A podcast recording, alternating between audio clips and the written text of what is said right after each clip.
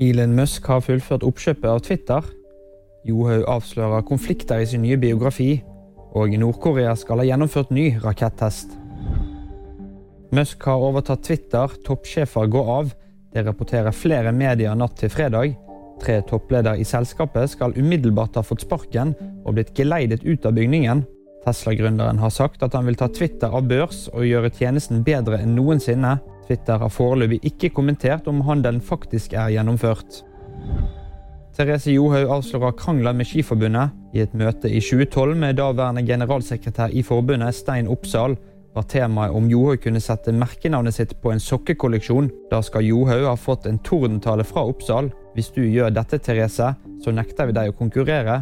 Da får du ikke lov til å konkurrere i mesterskap de neste årene. Det skriver Johaug i sin nye biografi, som slippes i dag. Nord-Korea har skutt opp uspesifisert ballistisk rakett. Det melder det sørkoreanske militæret. Testen vil i så fall være den siste i en lang rekke våpentester nordkoreanerne har gjort i år. Både Sør-Korea og USA har advart om at landet kan være i ferd med å gjennomføre en ny atomtest. Og VG-nyhetene fikk du av meg, Kristoffer Gåsvær Torgersen.